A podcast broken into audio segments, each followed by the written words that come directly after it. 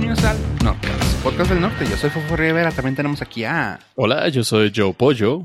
También tenemos a... A ningún ave Estrada. Y, y- ok, y también a... Eh, alguien que no sabe exactamente qué está pasando, pero está feliz de estar aquí. ¿Qué tal? Soy Lolo. ah, bueno, no sé si... No sé qué sea primero. Pollo, ayúdame con esto. Ay, Dios, eh, estoy conflictuado. Uno entre la, la emoción de, de nuestro invitado de honor y dos, así muy cerca, Ave, ¿qué, qué rollo contigo? ¿Es en serio? Le estoy haciendo aquí un homenaje en vida a nuestro invitado, a ningún Eduardo. Claro, yo, yo sí lo entendí. Esa es la única parte que he entendido hasta ahorita. Y aparte, este, nada más quiero que sepas que si algo me caracteriza en la vida es mi emoción por hacer cosas. Entonces, Te vas a llevar muy bien con Ave. Porque somos ningún ave y ningún Eduardo.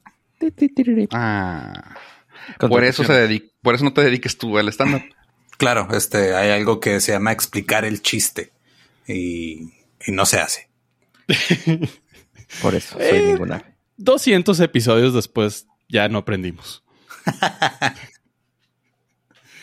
ah, si algo ¿cómo nos caracteriza eso. Eh, estamos de manteles largos, cada quien en su lugar de...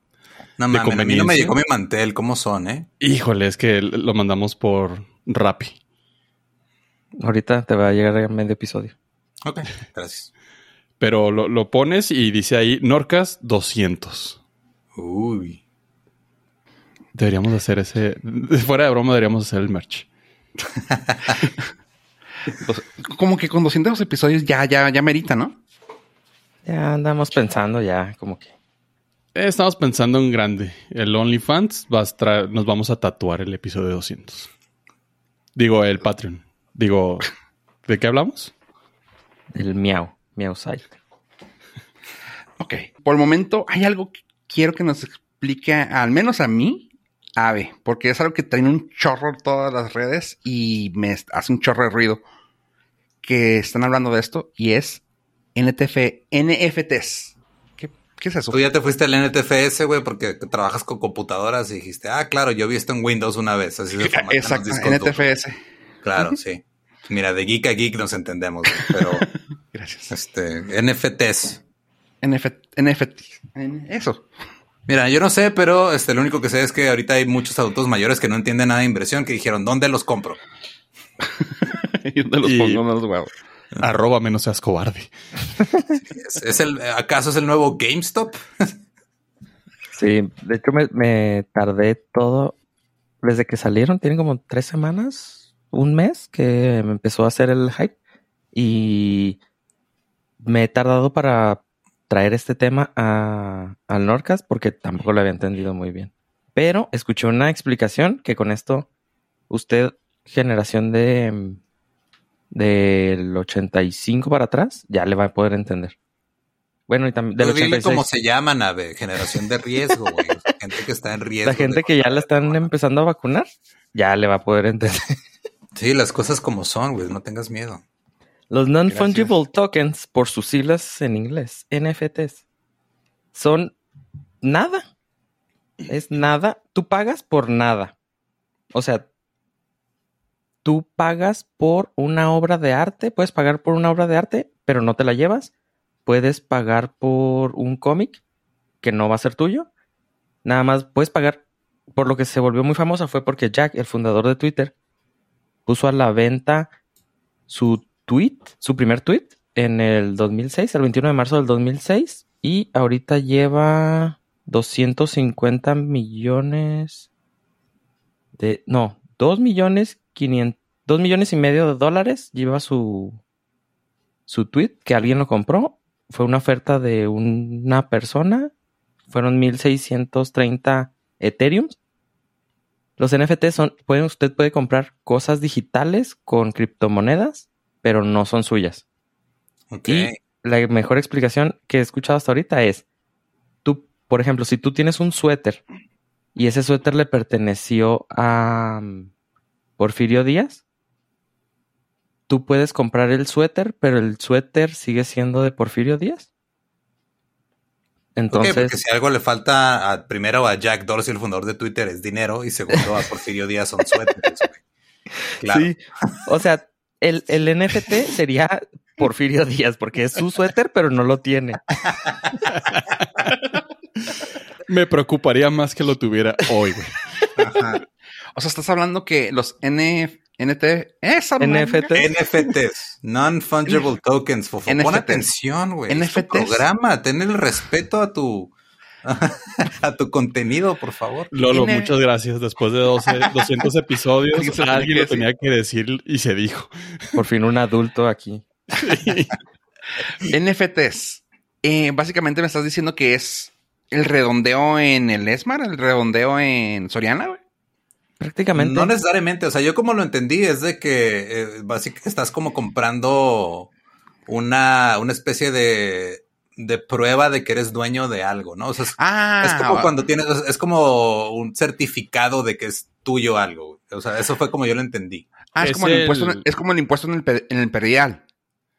Ándale. Ah, ok, ya, ya, ok, no estaba mal. O es como el, el diploma de participación que me mandaron por depositarle el príncipe nigeriano.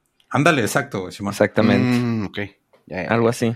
O sea, tú estás comprando nada más que es tuyo un tweet, pero eh, sigue siendo de Jack Dorsey. Jack Dorsey lo puede eliminar. Incluso puedes comprar cómics, por ejemplo, una página de un cómic. El cómic no es tuyo, pero si es tuyo en esta página donde lo compraste. Si desaparece la página, pues ya no te quedas con nada. O sea, tú no tienes el copyright, tú no tienes el objeto físico, pero es tuyo. No, estás, estás pagando un acceso a eso, ¿no? O sea, es... Sí, nada más que digan, ah, esa página la compró Lolo porque es su cómic favorito. Pero vamos a ignorar que Lolo pagó 2.5 millones de dólares por el primer tweet de Jack. Él fue el que puso. Este, primero, no tengo esa cantidad de dinero. Segundo, si la tuviera, no compraría el primer tweet de Jack Dorsey compraría el, segundo. tweet de Donald Trump. ¡Au! ¿No más la pena? Nomás por chingar. Ajá. Ajá, ok. Si es que lo encuentras. Claro. Ajá.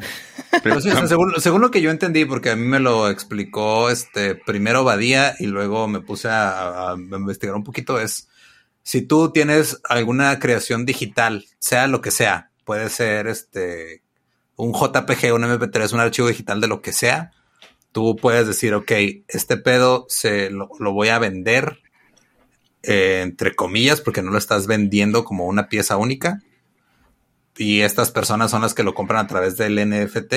Lo que no me queda claro, y no sé si Ave me puede explicar esto, es eh, si hay como un número finito de que, sabes que nada más va a haber 10 tokens del tweet de Jack Dorsey, o nada más hay uno, o nada más hay 5 que están comprando como ese acceso, por decirlo de alguna forma. ¿Si funciona así o lo entendí mal?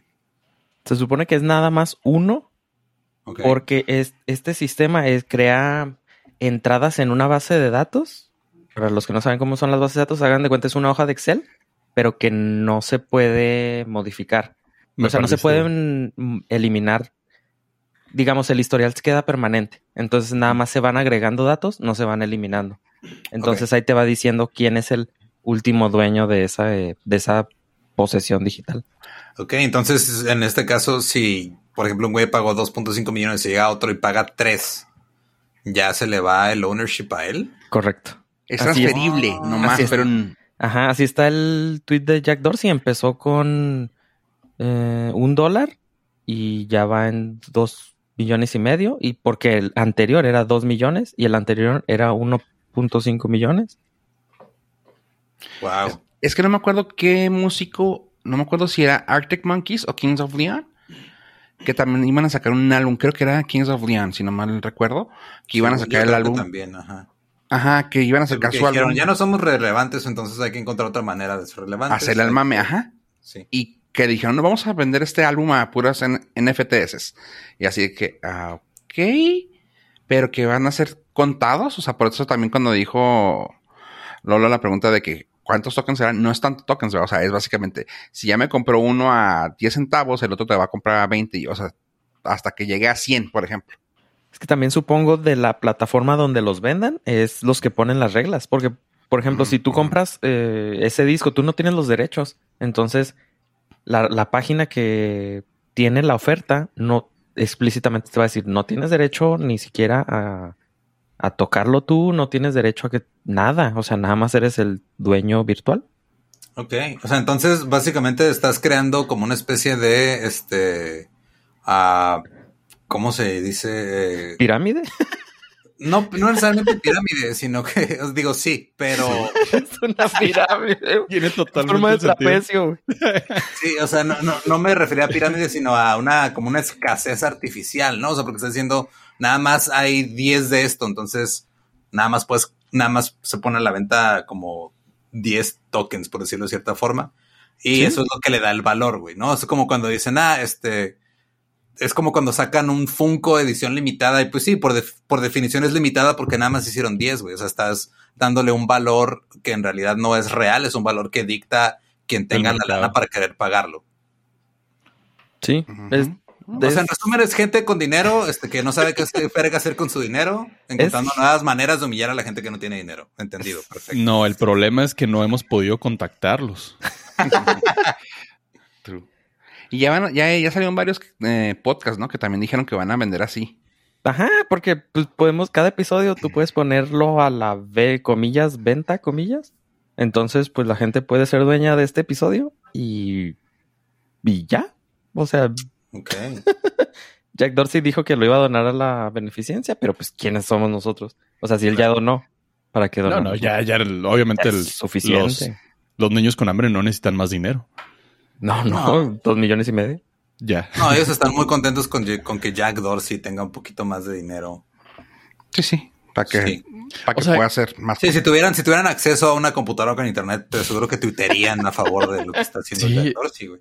Pero imagínate eh, tener tanta lana que tú, o sea, que digas, hoy voy a gastar 2.5 millones de dólares en algo intangible y algo tan, tan no sé cómo ponerlo en palabras que no sean antisonantes, como el primer tweet. Mamadas, se dicen, güey, mamadas. O sea, tú dilo sin miedo. Este. Es como, digo, ahora la gente en lugar de decir, oh, mira, compré este cuadro, es único, me costó 5 millones de dólares, ¿sabes? Ah, porque en realidad lo que está haciendo la gente que colecciona arte caro específicamente es decir, mira cuánto dinero me sobra, güey. Entonces es lo mismo, pero digital. Es lo mismo que sacar, pedírtela, pues. Se la están midiendo entre millonarios. Muy bien. Ahora, mi, duda es, este, esto también van a decirnos en un año que está contribuyendo al calentamiento global como todo lo que tiene que ver con las criptomonedas. Totalmente, totalmente. El Ethereum, en esta página de tweets, el Ethereum genera un poquito menos de, o sea, consume un poco menos de energía, pero el Bitcoin sí está de, eh, nos va a matar.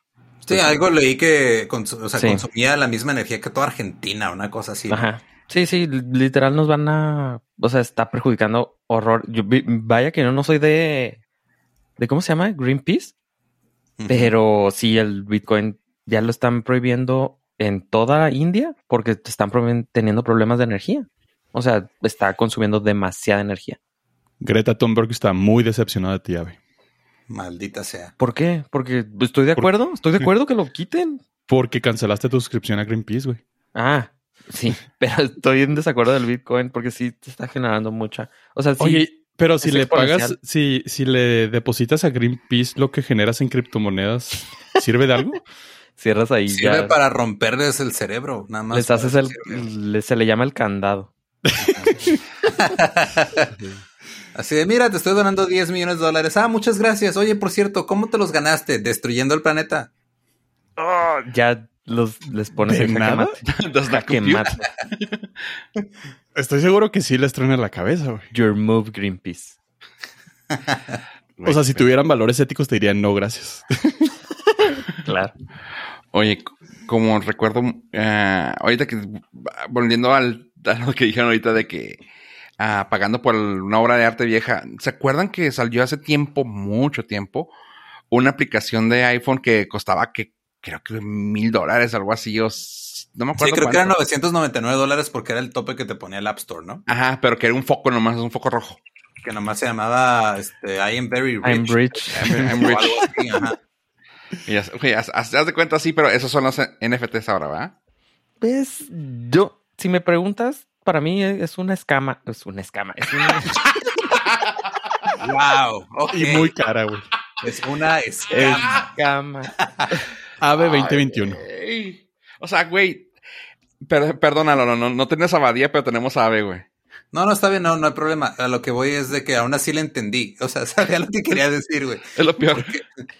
Qué pena con la visita. Este, yo, en lo personal, no creo que sea una escama o una estafa, que creo que es la palabra que está buscando Ave. Exacto. Creo que simplemente es una evolución del sistema monetario que ahorita está evolucionando. Ya evolucionó y todavía no nos alcanza a todos. Y eventualmente se va a volver en la norma, güey. Porque ahorita tú ves, o sea, los millonarios están diciendo, ¿sabes qué? Ya no compres, o sea, estas cosas, güey, ya mejor compra Bitcoin. ¿Sabes qué? Ya no inviertas en petróleo, mejor invierte en energía eh, renovable. O sea, así como le pasó a de mi medio específicamente es el entretenimiento, así como las televisoras en cierto momento empezaron a tirar estas patadas de ahogado de, güey, pues hay que subir nuestro contenido a YouTube porque si no la gente ya no nos va a ver.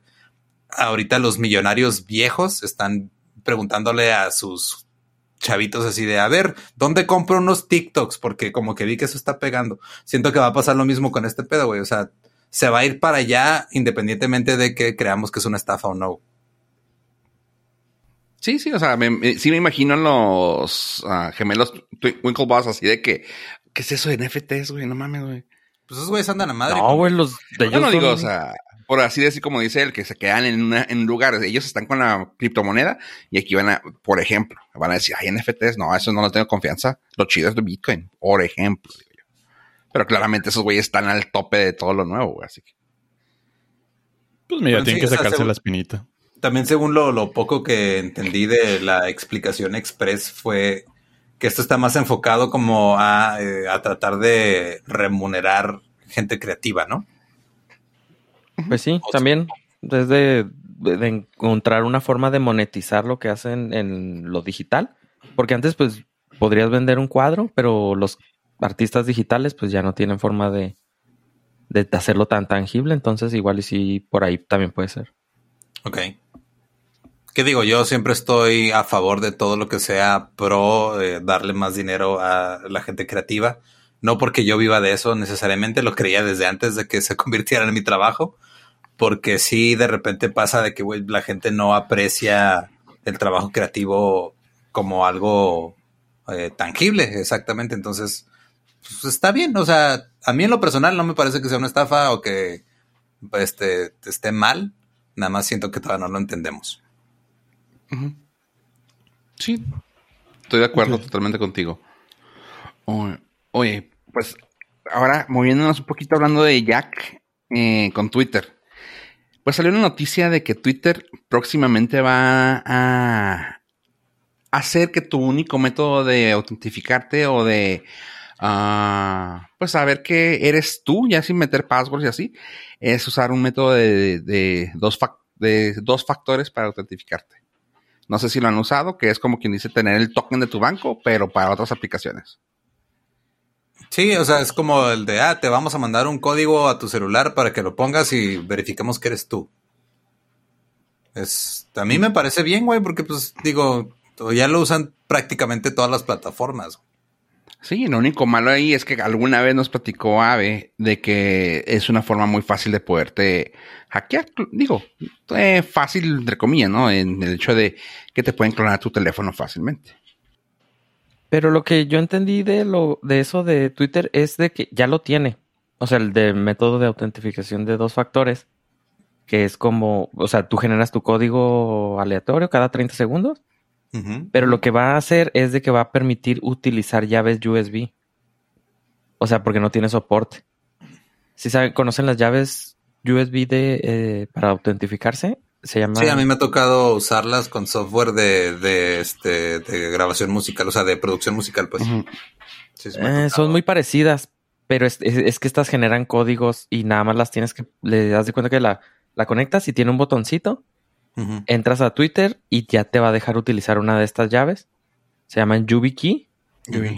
es, entonces, nos, mm, las de música creo que son USB, pero con otro tipo de llave, ¿no? sí, o sea, es, una tecnología similar. Sí, estas... literal es un token, o sea, funciona igual que un token, nada más como que genera cierto número y lo tiene que hacer match en la plataforma. Pues eso es lo que yo entendí que, vas a, utilizar ya, ajá, que vas a utilizar otro factor, o sea, ya, ya tienen el two factor, pero vas a utilizar otros métodos que es el USB que vas a conectar. Sí. Y tengo eso a, ¿eh? Pues está, digo, desde un punto de vista, eh, desde como ellos lo ven, aplicándolo como ingenieros en software, está bien. El problema es de que casi siempre que implementan algo así se les olvida el factor humano, güey. El factor humano, o digo, yo que trabajé en soporte técnico, el famoso PEFCAC, que es el problema que existe entre el teclado y la, y la computadora, de, perdón, entre el teclado y la, y la silla. Pues es que somos pendejos, güey. a mí se me va el pedo de repente con ciertas cosas. Y yo trabajé un chingo de años en esto. Entonces, se les olvida y luego al final van a terminar sacando alguna manera de darle la vuelta porque, ay, no es que los usuarios ya se nos están yendo porque la neta no saben cómo chingados poner un codiguito extra. Pero va a ser opcional, supongo va a ser opcional. O sea, ahorita ya es opcional el... el, a, mí lo personal, lo que me acaba de pasar es de que en YouTube ya, si tienes tú en tu cuenta de YouTube, por ejemplo, alguna persona que has agregado como moderador o editor del canal, todos tienen que tener a huevo este 2FA porque si no, eh, te van, lo van a, votar. O sea, eventualmente. Para ciertas aplicaciones se vuelve obligatorio. Yo estoy de acuerdo con eso, pero traigo eso con colación. Gracias, gracias Lalo, no pudiste dar mejor, mejor intro. Eso es porque esta semana yo perdí el, mi acceso a Facebook y a Instagram. el factor humano. El factor humano. El factor humanoide. Sí, la, la, no, pues la conectividad. Por factor humano, oye, no le digas así, él no puede leer, güey. Gracias, Lolo, por estar aquí. Este. Eh, no, de nada, un gusto cuando quieran regreso. un gusto y un olfa. Oh, que la chica, ya está, ya no, este. Pues sí. Anteriormente ya había comentado de que se utilizara, bueno, aquí creo que lo platiqué alguna vez a principios del podcast, que se utilizaban siempre uh, manejadores de, de, passwords o como, perdón, pues, manejadores. ¿Administradores? Sí, administrador de passwords, sí, se muy feo manejadores. Eh, administrador de passwords. Y gracias a ello yo estuve manejando uno que estaba siempre, pues lo tenían en modo, pues no era freeware, ¿cómo se llama? Como trial. Sí. De trial. Y también tenía un two-factor authenticator. El autenticador lo que hace es básicamente como un token de los que manejan en el banco y siempre te trae, puedes meter muchas aplicaciones ahí y siempre te lo va a estar dando uh, random, o sea, randomly para, para esa aplicación, para ese, eh, para poder entrar a ese sitio. Y yo bien fregón dije, pues aquí están. Cuando me dice el, el administrador de passwords, oye, ya no vas a poder utilizar una sola, un, un solo método de consumo de nuestro material, o sea, o en la computadora o en el celular. Dije, acá, pues mínimo tengo que tener dos, o sea, mínimo en el celular y una computadora. Eh, yo dije, adiós. Me alejé, hice un, me exporté mi, todos mis datos, me fui a otra y dije, ya la borro, pues ya no lo voy a necesitar. Oh, gran fofo, gran error pues ahí se me fue mi autenticador y no hay backup y no tenía malamente, no tengo el backup de eso y tómala. Que ya que perdí el acceso a mis redes hasta que tuve que mandar una foto con, con un número que me mandan pidiendo mi acceso y duró una semana con eso. Así que. Le, depositaste mil baros a un güey en el saldazo en el Oxxo. sí, y sigo, sigo esperando, honestamente. O sea, pero yo tengo fe. Pero ponemos, ponemos en contexto, Fofo es la persona que no quiere pagar por ese servicio, pero paga por Google Fotos. Ok. ¿Qué? A ver, ¿what? primero, ¿puedes pagar por Google Fotos? ¿O nada más lo usas dentro del Google One que puedes comprar? El Google One. Ah, ok. Sí, ya voy a ahorita ya va a empezar a cobrar, así que dije, eh, mejor pago por eso. No, deja tú que pague por el Google One, todavía tiene uso, güey. Pago por el YouTube Premium, güey. Ah, no, o sea, yo también, no, ya estoy en una posición socioeconómica en la que ya no necesito ver anuncios. Eh, Ah. Ulala, ulala. tenemos, un señor aquí. Sí, ya tengo, o sea, afortunadamente tengo 200 pesos al mes que no tengo que rastrear. Entonces dije, ah, ¿sabes qué? Puedo pagar por la comodidad. No, de hecho, en buen pedo lo pagué porque mi mamá usa mucho YouTube para ver noticias y para poner música. Y a cada rato me decía, no, mijo, es que me salen muchos anuncios. Le dije, ¿sabes qué, mamá? Has gastado una cantidad impensable de dinero en tratar de hacer que yo haga algo de bien y no lo lograste. Entonces, lo menos que puedo hacer es pagarte YouTube Premium y meterme al plan familiar yo también. Qué buen hijo. Sí. Eso es del estándar para un buen hijo, güey. Por eso, por eso estamos como estamos. Yo me siento, yo me siento chido porque metí a mi jefa en el Netflix, güey. Nunca pensé en el YouTube Premium. Nice. excelente hijo, güey. Que nadie te diga lo contrario. Yo me siento bien porque borro el historial de lo que veo en el perfil de mi jefa, güey. Para que no le cambie el algoritmo. Ah. Wow. Tú, llevas, tú lo llevas a un nivel que ninguno de nosotros ha alcanzado. Siempre, considerando los Espero que mi mamá no escuche este episodio para que no se decepcione de mí después de escuchar tu historia. ya está decepcionado, no te preocupes.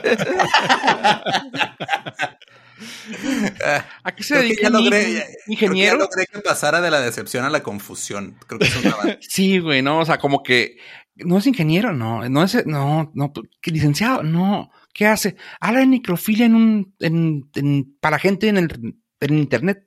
Ah, cabrón. Pero el problema ahí soy yo, o el problema es que hay un mercado para que suficiente gente quiera escuchar sobre necrofilia. Eh, eh, era pregunta retórica, no la contesté. Eh, ah, iba a elaborar con una tesis que estoy desarrollando de eso, pero muy bien. La dejo pendiente.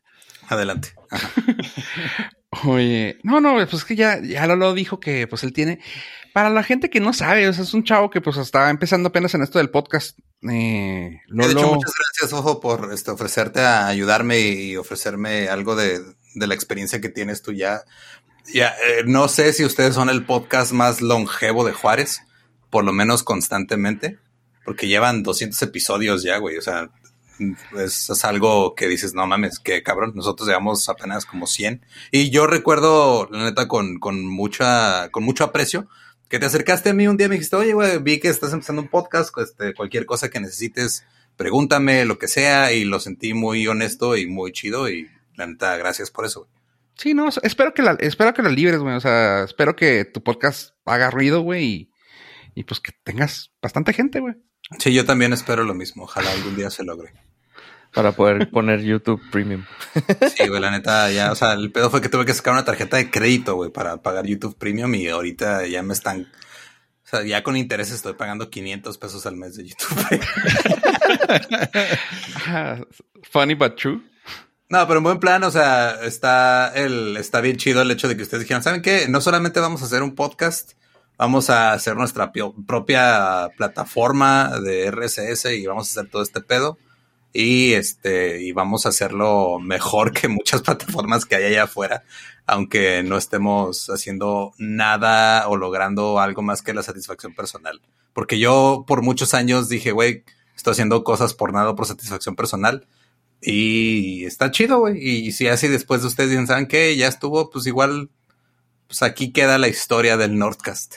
Y, algún día cuando llegue otra civilización y diga, a ver, ¿qué hacían estas personas? Ah, mira, hablaban entre tres como si alguien nos escuchara. Qué interesante. Y entenderán por qué desapareció la humanidad. aquí, aquí, probablemente lo explicamos en el episodio. Estamos en el 200, como en 225, güey. Vamos a explicar por qué se desapareció, güey. Mira, si, si algo nos ha caracterizado en esto es, uno, el avance tecnológico que siempre a la vanguardia, y dos, que la rumorología se nos da. Durísimo. Qué bonito término, te felicito. Sí, Gracias. 200 episodios me costó aprendérmela, pero ya la puedo dominar. sí, ¿no? y, qué bueno que dices eso, o sea, de que pues sí, tenemos una plataforma que tal vez Suena mamón, pero aquí vamos a echarle un poquito porras al ave, que gracias a él existe y mucha gente no lo, pues no lo toma porque todos, bueno, es que mucha gente usa, usa el podcast y tú debes de tener más números de eso. En Spotify y en una que otra plataforma. ¿Qué es lo más fuerte ahorita que hay para escuchar podcast? Spotify va. En México, Spotify. en Estados Unidos sigue siendo Apple Podcast por poquito, pero la diferencia es muy grande. Por ejemplo, en Spotify México creo que se, perdón, en México Spotify creo que se come el 70% del mercado en audio. Y estamos hablando de que en Apple Podcast en Estados Unidos se come como el 60 más o menos. Entonces Spotify lo que hace en Estados Unidos es vamos a aventarle dinero a Joe Rogan hasta que nos haga chingones. Y, y acá en México dicen, ah, pues como ya la gente nos usaba mucho Spotify, es que la Ciudad de México y sus alrededores están llenos de gente, güey. Entonces, toda el área metropolitana de la Ciudad de México es el área que más consume Spotify en música eh, por los traslados. Entonces, cuando mm. entraron los podcasts, pues ya la gente dijo, ah, pues ya tengo la aplicación y me voy para allá. Honestamente, yo no uso Spotify para escuchar podcasts porque siento que hay este, mejores opciones en cuanto a, a cómo gestiona las cosas. O sea, Spotify no te baja los episodios en automático, por ejemplo. Entonces, si no traes datos, pues te dice, ah, no lo bajaste, ah, pendejo, recuérdate bajarlo a la otra. Entonces, como que ellos están aprovechando esa parte de, ah, ya estamos establecidos como un medio, entonces vamos a aprovechar eso y vamos a, a agarrarnos de ahí. Mientras que en el mercado gringo están diciendo, ah, no, pues tenemos que ganarle a Apple y ganarle a otras este, plataformas como Stitcher o otras de estas otras que también están produciendo aparte sus propios programas y dicen, pues vamos a aventarle 100 millones de dólares a Joe Rogan, vamos a aventarle un chingo de lana a Bill Simmons que hace este podcast de, deportes, vamos a aventarle un chingo de lana a Last Podcast on the Left que se traiga todo su contenido para acá están haciendo prácticamente lo que hacía Netflix al principio de vamos a comprar contenido y luego ya pasaron a la siguiente etapa que es vamos a generar nuestro propio contenido para que la gente diga, ah, no, yo escucho este porque es exclusivo de esta plataforma. Ya tienen ahí a Obama con Bruce Springsteen hablando de cosas, güey, que se me hace súper bizarro. Harry y Meghan hablando de cómo la familia real es racista. Y dices, güey, sí, sí era, obviamente. No. ¿Y el agua es moja? Entonces, el, en sí, el, a, lo, a lo que me ha tocado vivir de este lado y teniendo contacto con gente que trabaja de aquel lado, sí son mercados muy distintos, pero lo que se está tratando de hacer es como una manera de unificarlo, porque la globalización va a terminar con todos y nos vamos a morir en 30 años. Por eso dije en el 223, vamos a decir cómo se va a morir. Aquí creo que vamos a empezar en el 200 y en el 235 vamos a decir cómo va a terminar. Así que sí, y eventualmente una civilización eh, más avanzada dirá esos güeyes eran profetas. Lástima que este, nadie se dio cuenta en su momento. no, nos, toman en cuenta, güey. Oye, no, pues volviendo al tema de rápido nomás, lo de AVE, güey, que pinche la plataforma que todo, yo sé que lo escucho por todas partes, pero si tienen chance de escucharlo en un, uh, ¿cómo se llama? Pocket, Pocket Cast. Es un software. Es, que yo uso, de hecho. Ah, sí. Eh, si ven la, si ven el podcast, podrían ver que tienen, uh, ¿cómo se llaman? Chapters, pero en español. Capítulos. Capítulos, gracias. Eh, el podcast tiene capítulos y dices tú, bueno, pues eso sí que tiene, todos se lo pueden poner, pues sí, pero no hay un player, al menos que yo haya visto en web, que te enseñe eso y la ve aquí. Hay como lo ven hablando de NFTs, güey, como si nada el rato se la aventó y está bien chido, así que... No, oye, hay que reconocerle que, o sea, así como lo ven a Ave, que es un holograma y en realidad en la vida física no existe, es simplemente una expresión de la red, el güey tiene un lado creativo y lo demuestra en los chapters. Ave es la singularidad, ¿no? Según me explicaron antes de empezar, o sea, Ave es la representación este, física de la singularidad. Así sí. Y eh, los fines de semana se divide entre cero, el güey. ya, ya, ya, así como el niño del Oxxo. Déjese admirar, güey, no sé culo. pues si tienen chance, dense una vuelta por border.fm porque pues, para que vean las ganitas que le echo. Sí, así que. Sí, la neta está chido ver que, o sea, independientemente de eh, qué esté haciendo cada quien o qué alcance tenga lo que está haciendo cada quien, de todos modos siempre va a haber gente haciendo cosas, güey. O sea, eso es, eso es lo importante. Si tú tienes la curiosidad o la inquietud de crear algo, sea lo que sea, sea desde voy a escribir código bien chingón y eventualmente se va, la gente se va a dar cuenta y lo va a usar como un estándar. O si de repente dices, ¿sabes qué? Bueno, la neta quiero, pues, pues quiero aprender a cocinar o quiero aprender a hacer esto, hazlo por ti y ya si después la gente se entera, pues es pedo de ellos, güey. O sea, la neta, es lo que les decía antes de empezar a grabar. Eh, a nosotros, cuando conocí a Fofo y que se acercó conmigo, me dijo, güey, lo que necesiten, dije, ah, qué chingón. Y luego de repente le di, me dice un día, güey, ¿qué te parece si te invito al episodio 100? Y dije, ah, estaría bien vergas. Y luego se tardó como otros 100 episodios en tenerme aquí. Pero lo que se me hizo chido era esa honestidad, porque con esa honestidad hemos trabajado nosotros desde antes. Que leyendas haya pegado y haya sido lo que la gente vio, pues que bueno, pero he hecho tantas cosas que la gente ni puta idea que, que existen, güey, que digo, ah, pues, ah, Yo, confiaba en ti, güey. O sea, yo, yo te invité en el 100, güey. Ustedes apenas van al 100. Donde ya pasó el 100, ¿va? Sí, ya. Sí, ya. O sea, ve, güey, yo te invité en el, eh, a parar el 100. O sea, todavía no existía, güey. Yo, estaba bien buena onda con ustedes. No fue como. Nada más quiero, quiero que quede, quiero que quede registrado para la posteridad que Fofo Rivera creyó en mí antes que Jordi Rosado, y eso es muy importante. Hijo Felicidades, lo logró, lo dijo, se lo recriminó en el podcast. Así que Fofo personas que lo escuchan, güey. Perfecto. Las tres personas que escuchan este podcast, güey, van a escuchar eso, güey. Se van a, me, van a, van a decir, güey, qué chingón por Fofo, güey. Una peculiaridad que Fofo tardó 100 episodios más en invitarlo de verdad es punto y aparte. Bueno, este, oye. Yo le insistí varias veces, le dije, me dice, ¿cuándo graban los viernes? Le digo, ah, Simón, ok. Tú nomás avísame, por lo regular tengo un viernes al mes ocupado. Dijo, ah, ok, yo te aviso.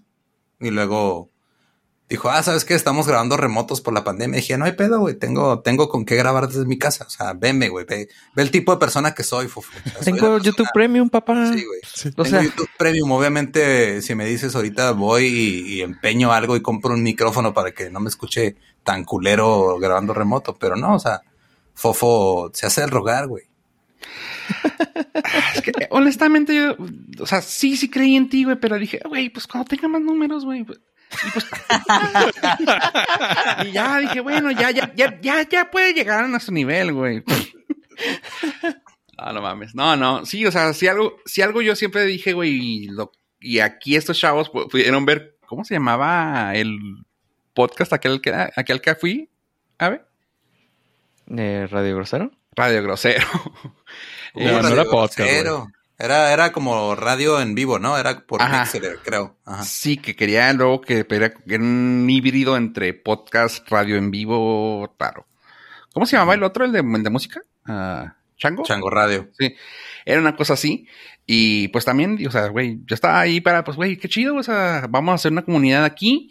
Cuando tú me hiciste el pitch de, güey, hacer un podcast en vivo, güey, ahí con gente, yo, ah, cabrón, me, me volaba la cabeza, pero dije yo, ok, qué cura idea, pero nunca lo vi como lo, pues, como lo están haciendo ahora ustedes, ¿verdad? Y fue así de que, pues qué chingón, güey, y lo que podamos ayudar, y fue, y sigue hasta la fecha, güey. O sea, así de que, pues, si necesitan paro en lo que sea. Sí, tan te tomé la palabra que te hice trabajar un chingo en el último en vivo que hicimos. Bueno, pero pues, ya sabes. Nuevamente una disculpa por eso. No, no te preocupes, este, estuvo, hasta eso estuvo decente. Tuvimos un nuevo chivo expiatorio. Si algo salió mal, ah, es fofo, es el nuevo, no hay pedo. y tengo memes para probarlo. es su intento de ser más incluyentes y se los, se los agradecemos. Ah. Oigan, ya este, empezamos hablando de la de, de, poner un token en Twitter y terminamos hablando de otra cosa. No, de hecho me gustó para donde, para donde fuimos, porque estábamos hablando más o nada del contenido, y eso quisiera que tú hablaras de eso, los contratos de distribución que, ¿Cómo están ahorita en ese rollo? O sea. Ok, justo cuando me dijiste la dinámica y de, lo que he escuchado aquí, es pues cada quien trae como que algo a la mesa que quiere discutir o platicar. Y dio la casualidad que acababa de leer que este pasaron varias cosas, ¿no? O sea, ahorita el streaming, si de por sí ya había se había establecido como el medio prácticamente primordial, sobre todo de, de Estados Unidos y otros lugares, o de ciertas eh, digamos, circunstancias socioeconómicas. Eh, ahorita ya con la pandemia se volvió la manera de ver entretenimiento, porque no hay otra. Estamos ahí todos de acuerdo, ¿no? digan que sí en lo que eructó fuera del micrófono. Ah, sí, sí, claro. Sí, así es. Tengo mis dudas, pero sí. Muchas gracias. Este, mira, tus dudas eh, serán este despejadas. Serán despejadas en este momento. O sea, sí hubo como que hasta se volvió meme, ¿no? De, güey, no mames, ya que se acaba la pandemia, ya me acabé Netflix, o sea, todo este pedo. Pero pocas veces la gente se pone a pensar en qué es lo que pasa con la gente que está creando el contenido para estas cosas, ¿no? Porque, por ejemplo, da, hay un caso muy específico de, por ejemplo, The Office, el programa de The Office, que en su momento fue un hit muy cabrón. En la pandemia se volvió igual o todavía más relevante porque mucha gente decía, ah, pues vamos a ver este pedo, ahora sí tengo tiempo de ver 200 episodios de algo, vamos a checar The Office, ¿no? Y hay muchos contratos que se hicieron en su momento cuando no existía todavía el streaming que no contemplaban porque era imposible ver a futuro y decir, ah, sí, claro, en 20, 30, 40 años va a haber gente viendo cosas en su celular mientras cagan. Pues no, no, no era algo que, la gente pudiera, sobre todo los ejecutivos que, suelen pecar de, de, miopes, los ejecutivos de, de disqueras y de este, productoras y todo eso. Entonces empiezan a pasar cosas muy interesantes como, por ejemplo, eh, no sé si ustedes conocen la historia de Dave Chappelle y el Chappelle Show, que es la que quiero usar como ejemplo principal. Yo nada más eh, escuché levemente. tuvo un problema con Netflix. Ok. Y que pidió que lo bajaran porque no le estaban pagando. Claro, ahí te va. Y la razón por la que no le estaban pagando por el Chappelle Show, porque en su momento cuando Dave Chappelle dijo, ¿saben qué? Este, firmé un contrato con Netflix para hacer varios especiales y le pagaron un chingo de dinero era nada más para él crear estos especiales de comedia que después hasta incluso sacó uno de más, que fue el que grabó en The Comedy Store en un cuartito bien chiquito, donde estaba hablando de la esclavitud y todo este pedo. Entonces, de repente sube Netflix el show de Chappelle de sketches que sea para Comedy Central. Y cuando suben el Chappelle Show, eh, mucha gente dice, ah, claro, o sea, como fue muy ambiguo este pedo, ¿no? Dijeron, ah, pues llevan ya tiempo trabajando con Dave Chappelle, entonces obviamente ya consiguieron liberar el Chappelle Show y subirlo a Netflix. Y resultó que no era cierto, porque lo que pasó fue que este Dave Chappelle no tenía los derechos para el Chappelle Show. Y lo que en realidad estaba pasando fue que Comedy Central o Viacom CBS, como se le conoce ahora, que es un conglomerado de todas estas televisoras que ya se tuvieron que juntar porque no tienen dinero. Ellos tenían los derechos de distribución. Ahora, en los derechos de distribución no venía contemplado el servicio de streaming porque no existía en su momento. Estamos hablando del de 2003 al 2006, fue cuando salió el Chappelle Show. Entonces, lo que hace Comedy Central es que agarra y dice, ok, yo le voy a vender la licencia a HBO en unos países, en otros, bueno, HBO Max, en otros países a Netflix, pero nada de ese dinero que ellos ganan por revender los derechos de retransmisión le llega a Chappelle. Entonces lo que pasa es de que Chappelle, por ser Dave Chappelle, o sea, por haber llegado al punto en su carrera en el que está ahorita, que es literal ya el, comediante más grande del mundo, tiene un chingo de poder mediático. ¿Alex Fernández? No, no, no. Dije este del mundo. Ah, ok, ok. No del mundo de su hermano que se estaba muriendo, del mundo. Ah, ah, yo dije, ah, me suena. este saludo a Alex Fernández, que obviamente no está escuchando esto. Eh, ¿Tú qué sabes? No, no, es un workaholic, güey. Ese güey ahorita está grabando uno de sus 19 programas. A lo que voy es de que Chapelo en su momento, este, dice, ok, güey, yo ahorita puedo, porque me costó toda mi vida llegar a donde estoy, usar este, mi poder mediático para decir, hey, güey, eso que están haciendo no está chido, Porque lo que le dan a entender a la gente es que, ah, como ya trabaja Netflix con Dave Chappelle, entonces por eso llegó Chappelle Show a Netflix. Pero no fue así. La realidad fue que vaya como CBS le dijo a Netflix, ok, dame dinero y, te vendo Chappelle Show. Pero nada de ese dinero le llega a Dave Chappelle. Porque en su momento, en el 2003 a 2006, cuando estuvo Chappelle Show en Comedy Central, no tenía ni puta idea de que íbamos a estar viendo entretenimiento a través de Internet los derechos de retransmisión por internet no existían. Y Chappelle usó su poder y dijo, ¿saben qué? Este fue de hecho en, en, Saturday Night Live cuando estuvo de host esta, esta vez pasada. Cuenta un chiste en el que habla de su pariente de hace ya tiempo que, fue, fue esclavo y que dijo que estaría decepcionado de él porque lo han, han vendido más veces a Chappelle que a él que fue esclavo usa ese poder mediático para decir, güey, esto que están haciendo no está chido. Porque a mí, como yo, la persona que cree este contenido, no me está llegando nada y ustedes siguen revendiendo este pedo. agarrándose del hecho de que no estaba contemplado el streaming como algo porque no existía en su momento. Entonces, ese es el ejemplo que quiero usar de inicio. No sé si ya, este, podría hablar un poquito más del contexto del Chappelle Show en sí cuando lo, cuando se produjo hace 15 años, pero creo que para lo que quiero platicar no, no aplica tanto, pero creo que si sigo hablando voy a sobreexplicar el pedo y creo que ya estamos todos en el mismo entendimiento, ¿no? Sí, sí, sí, sí. Correcto. Ok, entonces, ahora, te das cuenta que en realidad siempre ha habido un pedo en Hollywood y en, en, todo esto del entretenimiento que eh, suelen encontrar la manera de hacer todo el dinero que se pueda para la compañía o la productora o la disquera en el caso de la música, pero rara vez ese dinero lo ve el artista o el creador del producto. Entonces, no estaban haciendo esto uh, como que, ay, no, es que no sabíamos. O sabían exactamente lo que estaban haciendo los de Viacom. Se aprovecharon de que Chappelle ahorita es un nombre que tú dices, güey, hasta mi mamá sabe quién es Dave Chappelle. Y dijeron, ok, vamos a aprovechar ese, ese boom y metemos esto y hacemos dinero. Que no sé si ustedes recuerdan, eh, pero eh, no, no, sé si les tocó a ustedes de, de, niños cuando de repente sus papás compraban eh, discos como compilaciones de éxitos de diferentes artistas. Sí, bueno, no les tocaba lana a ellos, ¿va?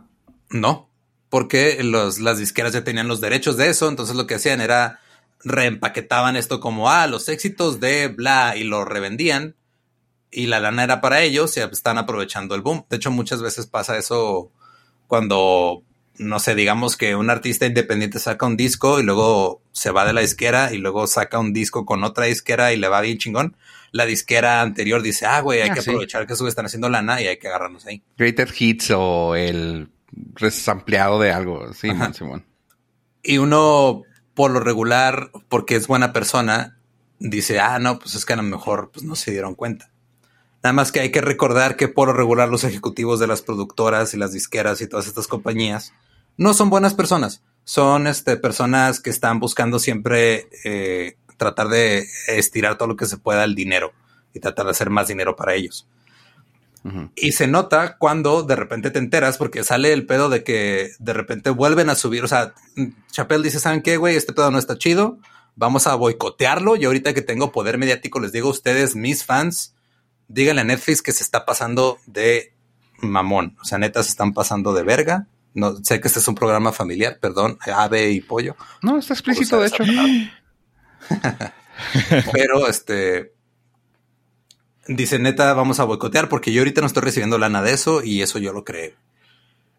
Y llega el punto en el que este Netflix dice, ok, vamos a bajarlo y vamos a renegociar. Y de repente se vuelve a subir Chappelle Show unos meses después, pero ahora ya después de que hicieron un trato, vaya como CBS, Netflix y Chappelle detrás de tras bambalinas, donde ya dijeron, ok, güey, va, te pagamos. Aquí lo culero, y la razón por la que siento que eh, tiene cierta validez lo que explicaba hace rato Ave de los NFTs y por qué tienen valor, es de que Dave Chappelle tuvo que convertirse literal en el comediante más conocido de todo el mundo para que le hicieran caso, güey. Eso es lo grave. O sea, si fuera una persona que este, firmó un contrato, eh, no sé, un contrato malo al inicio de su carrera o cualquier cosa, y no tuviera el poder mediático que tiene ahorita, no, se la no hubiera pasado nada. Se la pela, exacto. Si, si, si de repente, digo, porque a mí lo que me ha, me ha tocado en, en, mi corta experiencia en los medios y ya hablando con compañías más grandes, nosotros tenemos la gran ventaja que pues que empezamos como creadores independientes y tuvimos como esta visión de decir, ok, güey, va, como creadores independientes tenemos que proteger nuestra creación, hay que blindar nuestra marca, hay que blindar este, este, este, tipo de cosas para que no llegue alguien y nos chingue y nos revenda como le pasó a Chappelle. Oye, pero entonces aquí, mm, el, digo, claramente es porque Chappelle es Chappelle, pero el chido ish, chido ish es Netflix, ¿no? Que sí dijo, bueno, yo sí lo hago por ti, güey. Pero aquí el objetivo fue Viacom, ¿no? No, los ojetes fueron los dos, güey, porque si en realidad hubiera sido chido Netflix, hubiera dicho Netflix, ok, güey, nosotros ya trabajamos con Chappelle, ya tenemos cuatro especiales de la arriba que le pagamos un chingo de lana por hacer. Y hubieran dicho, oye, güey, ¿sabes qué? Viacom me está dando este deal y me está diciendo, eh, vas a tener Chappelle Show y lo vas a poder tener exclusivo en tu plataforma por cierto tiempo. ¿Qué pedo? Pero no, aquí lo que pasó fue que Chappelle tuvo que usar su poder mediático Mm. para que Netflix corrigiera lo que hizo mal. O sea, Netflix en realidad y Viacom negociaron otra vez para no quedar mal ellos. güey. No fue en buena onda. O sea, No, no, no. en la industria del entretenimiento rara vez hacen ese tipo de cosas en buena onda o en buena fe, güey. Es lo que, es lo que explica Chappelle, porque lo que hizo Chappelle fue subió un clip a Instagram explicando de, ok, gracias, güey, ya, ya este, se arregló el pedo, ya va a subirse Chappelle Show a las plataformas de streaming bajo mis términos. Pero lo que siempre ha dicho Chappelle y lo explica en, en- en- otro especial que subió al canal de YouTube de Netflix en su momento que tenía que ver específicamente con, con el asesinato de George Floyd por unos policías. En él explica que uno de los, un policía que fue este, arrestado o que fue, que fue, que estuvo involucrado en, en asesinar a un afroamericano que no estaba armado, un día antes lo había parado a él y no le hizo nada porque era Chappelle. Básicamente eso, eso lo pueden ver ahí en su YouTube. Sí, sí, me Entonces, lo culero aquí es de que tienes que llegar a un poder mediático tan cabrón que se ajusten a ti. Y la validez que yo le veo a los NFTs y a todos estos medios que digo, ahorita, ahorita son los NFTs, antes de eso era Patreon, antes de eso era este, vender tu mercancía independiente, donaciones en PayPal, todo eso es de que le estás dando el poder al creador de las cosas. Ujú. Porque tú te das cuenta que en realidad esto no, no es este un caso aislado. O sea, lo que voy es de que primero sale este pedo de que Chappelle tuvo que negociar siendo ya lo que es como un monstruo mediático cabrón. Y luego resulta que ahorita pues Disney Plus lanza su plataforma y este Disney Plus está, compra Fox, ¿no? Y, y ya lo renombra en Latinoamérica como Star Channel y todo este pedo. Y dices, güey, no mames, Disney Plus tiene toda esta eh, oferta de contenido que ha comprado y la madre. Y sale un artículo en febrero en el Variety, que es un, una- un periódico, un- una revista de, entretenimiento, en el que resulta que eh, Disney ha estado usando una, un juicio que se hizo en su tiempo, hace un chingo de tiempo, en el 93 creo, se hizo un juicio en el que eh, se podían quedar ellos con el 80% de las ganancias de algo si se categorizaba como eh, home video. Entonces ahorita Disney Plus está usando eso para quedarse con el 80% de las ganancias de todo lo que ya se ha producido antes, diciendo que es home video. Pero estamos de acuerdo que en el 93 ni siquiera había acceso a Internet generalizado, ¿verdad? Digo, desmiéntanme, tal vez yo no me acuerdo bien, pero Joe, este, digo, Pollo, Ave, Fofo, ¿tenían ustedes acceso a Internet en el 93? Bueno, tenía acceso ni a televisión de paga. True. Ay, cabrón, sí es cierto. Pues no. Se lo está. Ni teléfono. Pero Ni no, amigos. o sea, hay- Ah, Ajá, y, y no, y hasta la fecha hay cosas que aún no tienes, güey, pero eso es irrelevante a la conversación ahorita. Bueno, tenemos Patreon, güey, perdón. no nos pagamos YouTube Premium, pero bueno.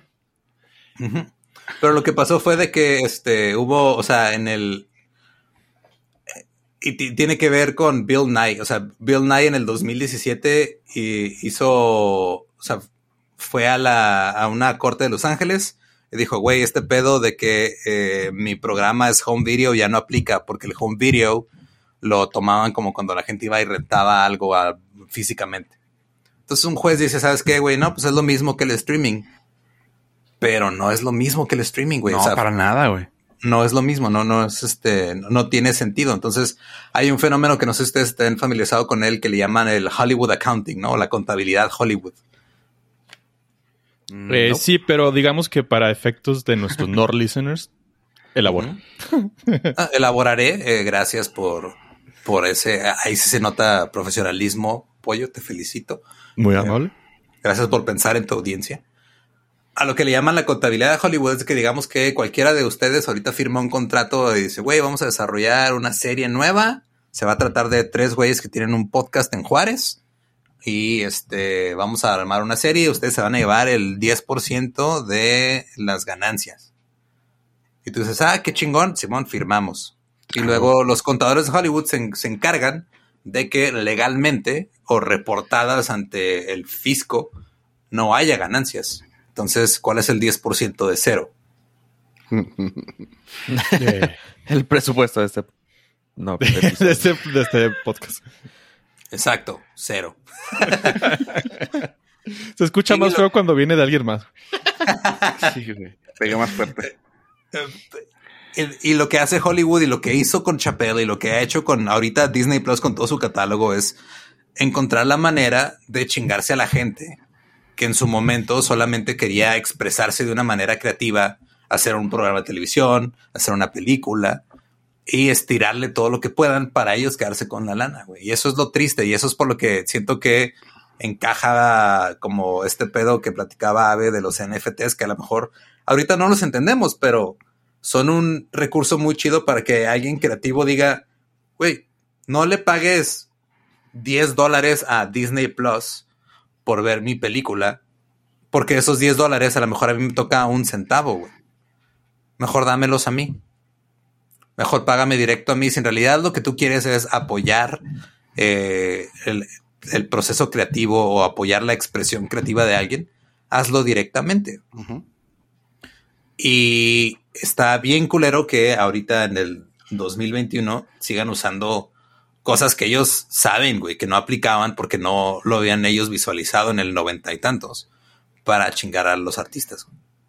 Y en resumen de pinche media hora que llevo hablando prácticamente de lo mismo, eso es lo que pasa con ahorita eh, los distribuidores de contenido que buscan siempre ellos cómo quedarse con la lana. Porque, digo, a mí me ha tocado un contacto muy, muy limitado con esto, pero llegan y te dicen, güey, eh, es que, mira, te ofrezco un programa de radio, güey. Y tú puedes hacer esto y puedes estar en radio y te vamos a dar, eh, no sé, tal cantidad de dinero o tal cosa. Pero, pues el programa de radio va a ser nuestro y la propiedad intelectual es nuestra. Y si hacemos algo después, te podemos quitar a ti, podemos meter a alguien más y va a ser el mismo producto. Y es de, güey, pues en realidad no me estás respetando a mí, no estás viendo por mí, güey. Si yo llegara ahorita y te dijera, ¿sabes qué? Este pollo, pues este, voy a comprar Nordcast, güey pero te voy a reemplazar por un pollo de verdad y va a estar nada más cacaraqueando de vez en cuando, güey. O sea, yo le entro, güey. Yo le entro. Creo que Ave y yo, güey, diríamos que sí, güey, no hay pedo. Deja tú, el pedo es que yo también diría que sí, o sea, suena algo totalmente chingón. Ajá. Lo más cabrón es que es podcast, güey, o sea, ni siquiera lo van a ver. No, pero lo van a escuchar de vez en cuando cacaraqueando. Entonces, ah, qué chido. Y te van a decir, ah, claro, güey, pero tú, por, tú, eres, tú eres el pollo original. Entonces, a ti te vamos a dar 20% de lo que gane este pedo, güey. Y dices, ah, güey, si no le dejo que me reemplace un pollo. Y luego llegan y te dicen, ¿sabes qué, güey? Te tengo malas noticias, no ha ganado nada de lana. Y el, mismo güey te lo está diciendo mientras tú lo ves claramente que. Eh, en McLaren, güey. el güey está en un yate nuevo. Cuando el pollo que contratamos ya tiene pinche mansión, güey. Exacto. Y, y honestamente, como una persona que, que, que dices, ok, güey, la neta está chingón el pedo de vivir de lo que te gusta, vivir de lo que haces, muchas veces te dejas deslumbrar por todo esto. Entonces, si de repente llega alguien y te ofrece un contrato y dice, güey, te voy a pagar todo este dinero por lo que estás haciendo, tú como eh, creativo neófito vas a decir, a huevo, me van a pagar por lo que estoy haciendo. Y luego nada más firmas a lo güey. Y ha habido muchos casos, tanto ahorita estos casos que son como más grandes de Disney y de, de Chappelle, pero pasó aquí hace unos años con el whatever y todos estos youtubers que se los hicieron pendejos, güey. O sea, es, es triste. Pero eh, creo que se puede corregir y está en manos de toda la gente que hacemos cosas y que tenemos que estar siempre sacándole la vuelta a todo. Tratando de encontrar la manera de que eh, no nos coma este monstruo que se llama capitalismo. Es que está cañón, güey. O sea, sí me pongo a pensar en, en la propiedad intelectual de todo. O sea, que creo que es lo que al final del día, pues, lo que vale, ¿no? O sea, eh, es tu creación, es tu bebé, güey, y hay que cuidar lo que haces. O sea, porque al final del día, güey, y lo veo, lo veo con ustedes, o sea, en el hecho de, pues, oye, ya, ya picaron piedra un chingo, güey. Van a venir, les van a ofrecer así de que, no sé, por ejemplo, sé que tienen un chingo de abogados también, este, ¿cómo se llama?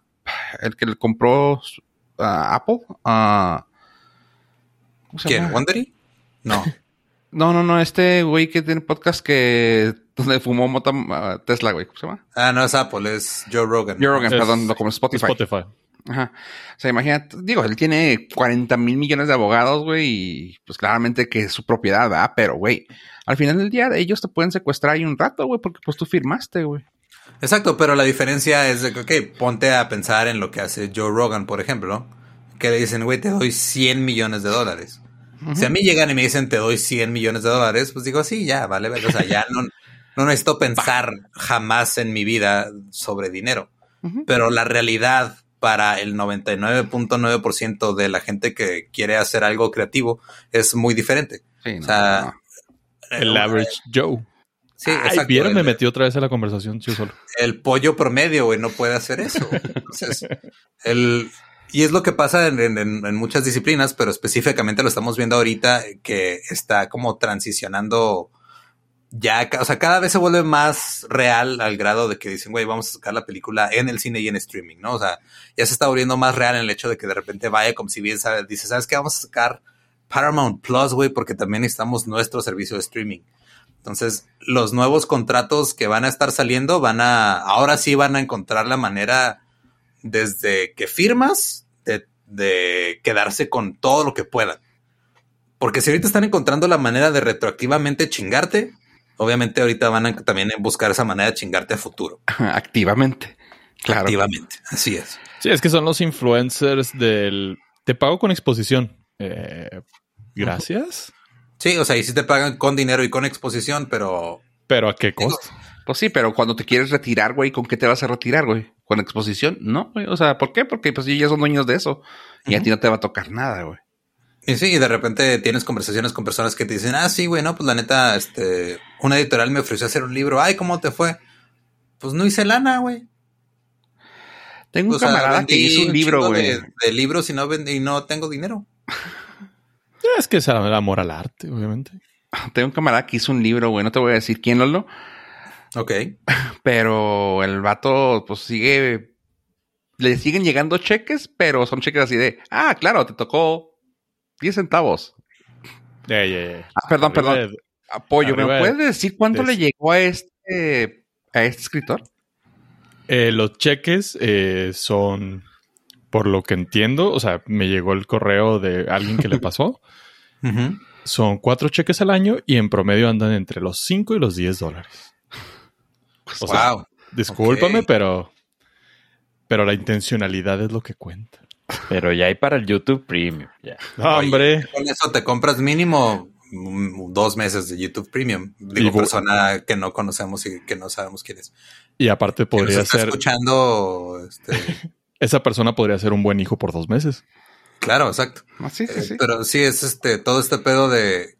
Lo vemos. Porque no, tú como consumidor rara vez te pones a pensar en qué está pasando detrás de, porque a ti lo que te importa es yo nada más quiero ver WandaVision y me vale madre lo que pase. Sí, porque claramente, o sea, tú dices, yo ya pagué, güey. O sea, ellos claramente viven en mansiones, güey, pero si te pones a pensar ya, ah, digo, yo pensando en el futuro de ellos, güey, es de que, güey, pues sí, o sea, te pagaron ahorita una la nota, ¿no? O sea, porque tampoco es como que les paguen poquito. Te pagaron ahorita dos millones de dólares por episodio. Sí, güey. Pero cuando tú ya estés grande, que WandaVision ya tenga 30 años, güey, ¿a ti qué te va a tocar de ver eso, güey? O sea, la gente lo va a seguir viendo. Pero es que, o sea, también eh, de repente dices, ah, le pagaron dos millones de dólares tal vez a los actores o al elenco, güey, también es... ¿Cuánto le pagaron al que dirigió? ¿Cuánto le pagaron al que escribió? Que es gente que no sale a cámara. Ajá. Que es gente que pocas veces tiene como este poder mediático de decir, ah, claro, sí hay algunas excepciones, ¿no? Que dices, ah, voy a ver este programa o esta película porque la escribió tal, pero son contadas.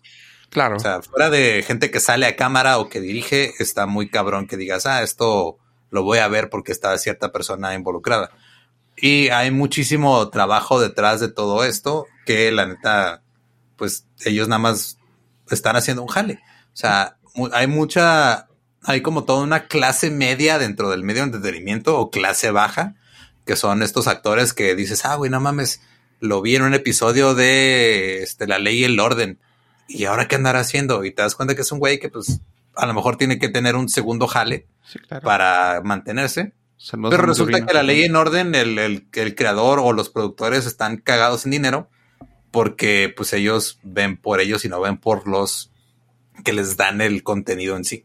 Eh, incluso hasta, como dices tú, o sea, la gente que está detrás, o sea, el gaffer, güey, le ganó, no sé, güey, 20 dólares la hora, güey, y le fue bien ese episodio, güey. Pero pues, güey, esas personas que se fregaron por detrás, no van a recibir un retroactivo, güey. O sea, esos güeyes ya hay cobraron y adiós. O sea, qué gacho, güey. Cuando muchos se pueden retirar con, con esa, o sea, vamos, Friends, güey. Los actores de Friends se pueden retirar con ese dinero que les sigue pagando todo.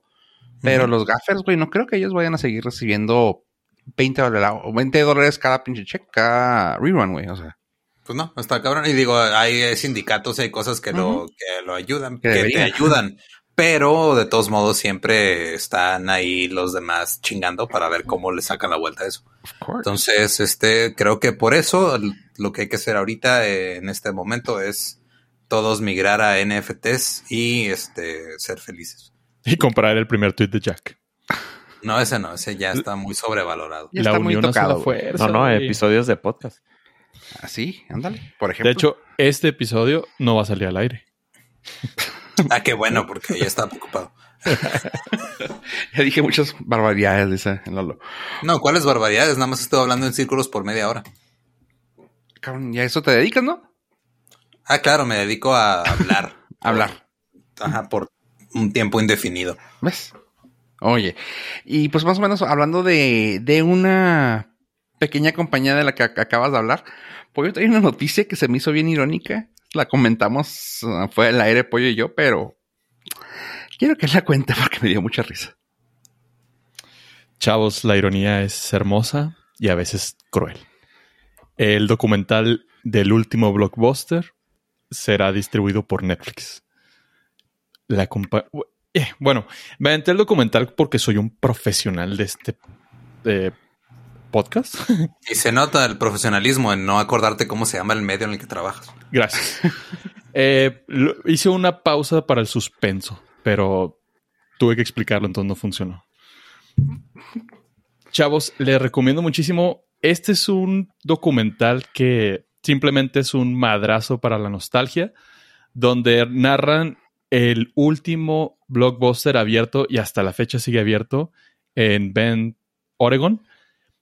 Y eh, el podcast del podcast, el podcast que estamos haciendo ahorita hace que este documental sea súper entrañable y nos muestra desde el inicio de la creación de Blockbuster cómo revolucionó en el, en la industria, como las compañías distribuidoras, hablando que son los hijos de la chingada, se opusieron al principio y metieron demandas donde no querían que las eh, compañías de terceros distribuyeran sus películas para que la gente la rentara porque a huevo quiero que la compres.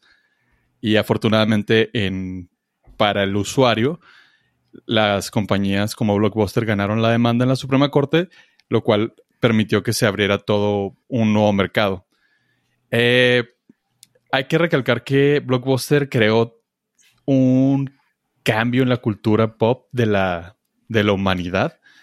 Nos trajo a grandes generaciones de cinéfilos, tanto amateurs como profesionales. Creo que el caso más rescatable como fuente de éxito es Quentin Tarantino, que dijo que gracias a que trabajó en una tienda de, de video, pues aventaba X cantidad de películas por semana.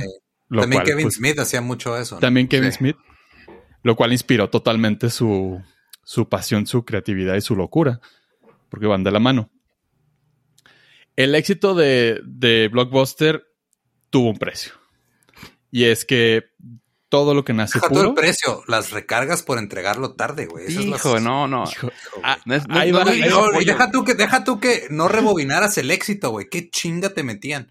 Hijo, güey. Es que ahí te va. Ay, güey, no, ya, abriste la caja de Pandora, no lo chingo. Ahorita vamos a tocar ese tema porque. Aguántate. Yo, no, yo no sabía este, este dato, pero llegaremos a él.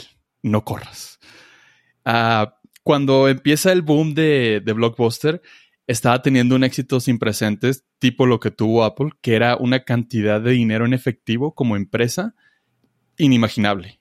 Y eso pues empezó a llamar la atención de los tiburones de Wall Street, a lo que decidieron, eh, hay que invertirle. Y una vez que el corporativismo toca esto, lo mandó al traste. Ah. Eh, Wall Street le entra, compra a Blockbuster por creo que cerca de 6 billones de dólares. Le empiezan a meter la mano, empiezan a hacer cosas como los Blockbuster Awards, que jamás supe que existieron hasta hoy. What? Eh, estaba en desarrollo un parque de diversiones Blockbuster en, en Miami. ¿Qué ibas a hacer? ¿Te ibas a meter en un carrito así como esos en los que metías el videocassette para rebobinar?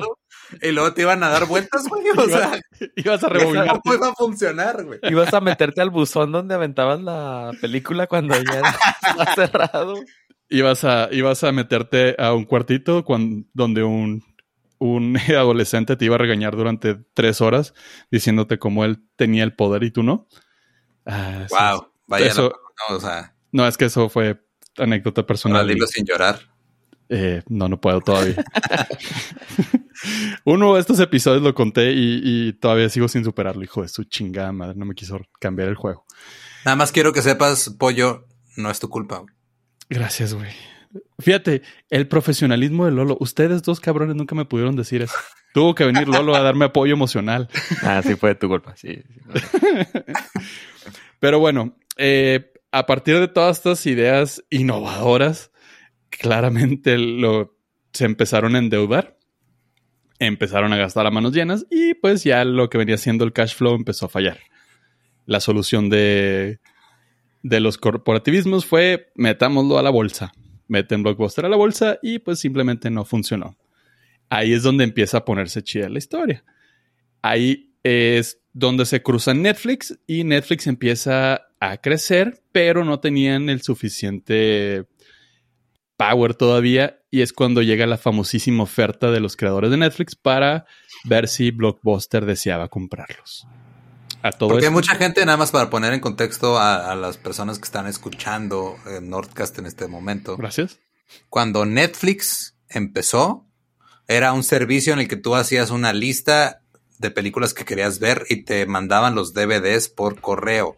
No era streaming, no era nada, eran, te llegaban físicamente los DVDs por correo, los veías, los metías en un sobre, los reenviabas, de los enviabas de regreso, te llegaba otro sobre. Y todo eso fue porque al dueño eh, de Netflix se le olvidó regresar una película.